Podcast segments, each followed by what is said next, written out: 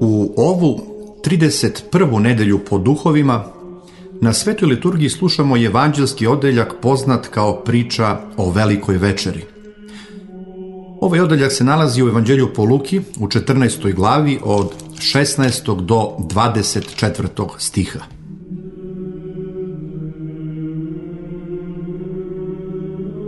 A on mu reče, neki čovek zgotivi veliku večeru i pozva mnoge. I u vreme večere posla slugu svojega da kaže zvanicama, dođite jer je već sve gotovo. I počeše se svi redom izgovarati. Prvi mu reče, kupih njivu i moram izići da je vidim. Molim te, izgovori me. I drugi reče, kupih pet jarmova volova i idem da ih ogledam. Molim te, izgovori me. I treći reče, oženih se i zato ne mogu doći. I došavši sluga taj, javi ovo gospodaru svome. Tada se razgnjevi domaćin i reče slugi svome. Iziđi brzo na trgove i ulice gradske i dovedi amo siromahe i bogalje i hrome i slepe. I reče sluga, gospodaru, učinjeno je kako si zapovedio još ima mesta. I reče gospodar slugi, iziđi na puteve i među ograde i privoli ih da uđu da mi se napuni dom. Jer vam kažem da nijedan od onih zvanih ljudi neće okusiti moje večere, jer je mnogo zvanih, ali je malo izabranih.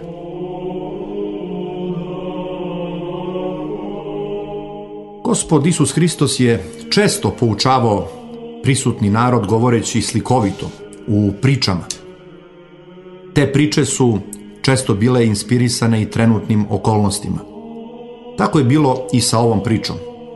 Naime, kao što možemo da vidimo u nekoliko stihova pre današnjeg čitanja, pre svega u 15.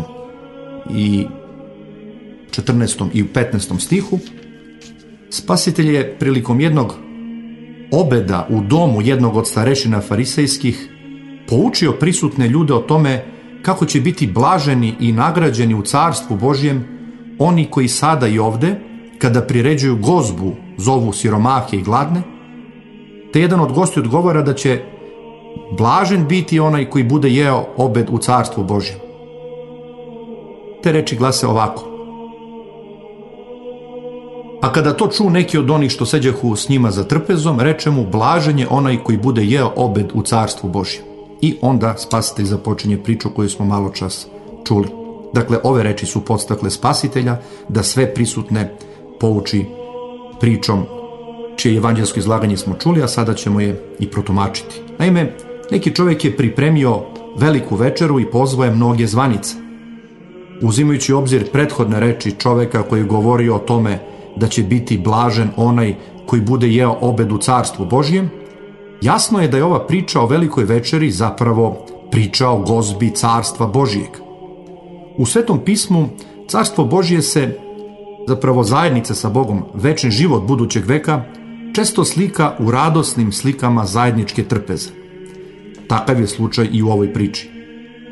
Velika večera je carstvo Božije, zajednica sa Bogom i dar večnog života na koji smo prizvani. Bog je gospodar, domaćin večere koji šalje svoje sluge, starozavetne proroke, da pozovu u zajednicu izabrani narod Boži, Izrailj.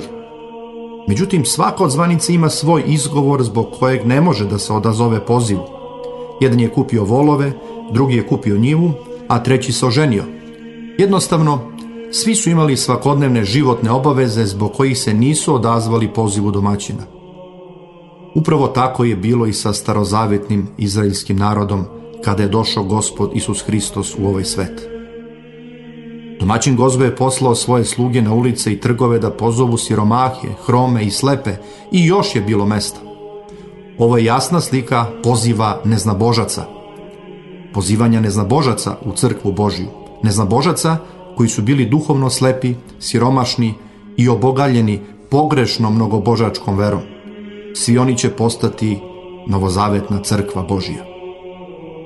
Na kraju, spasitelj pučava da niko od zvanica neće okusiti večeru domaćina, jer je mnogo zvanih, ali je malo izabranih. Starozavetni narod Boži odbacio priziv Boži darovan u ličnosti gospoda Isusa Hrista, Sina Božijeg koji je postao jedan od nas ljudi i darovao nam dar večnog života u svetoj tajni pričešća, večeri gospodnjoj, koji nam se daruje sada i ovde kao obed carstva Božijeg. Svi oni koji su poverovali u gospoda Isusa Hrista, svi mnogobošci koji su se krstili, a koji su ranije bili duhovno slepi i siromašni, nasleđuju taj dar večnog života u carstvu Božjem koje nam je sada i ovde dostupno upravo u svetom pričešću. Svi oni, odnosno svi verni, svi hrišćani, jesu oni koji su izabrani. Međutim, pouka je da je mnogo zvanih, ali malo izabranih, pouka koja se ne odnosi samo na starozavetni Izraelj, one koji su bili prizvani, ali su odbacili spasitelja i novozavetnu crkvu Božju sačinjenu od onih koji su bili mnogobošci, pa su postali hrišćani, odnosno postali su izabrani. Ova pouka se u jednom pedagoškom smislu odnosi i na jedan mnogo širi krug ljudi, zapravo na čitavu vaseljenu, na sve nas koji danas činimo novozavetnu crkvu Božju. Naime, spasenje u Hristu vernima jeste podareno, ali nije zagarantovano.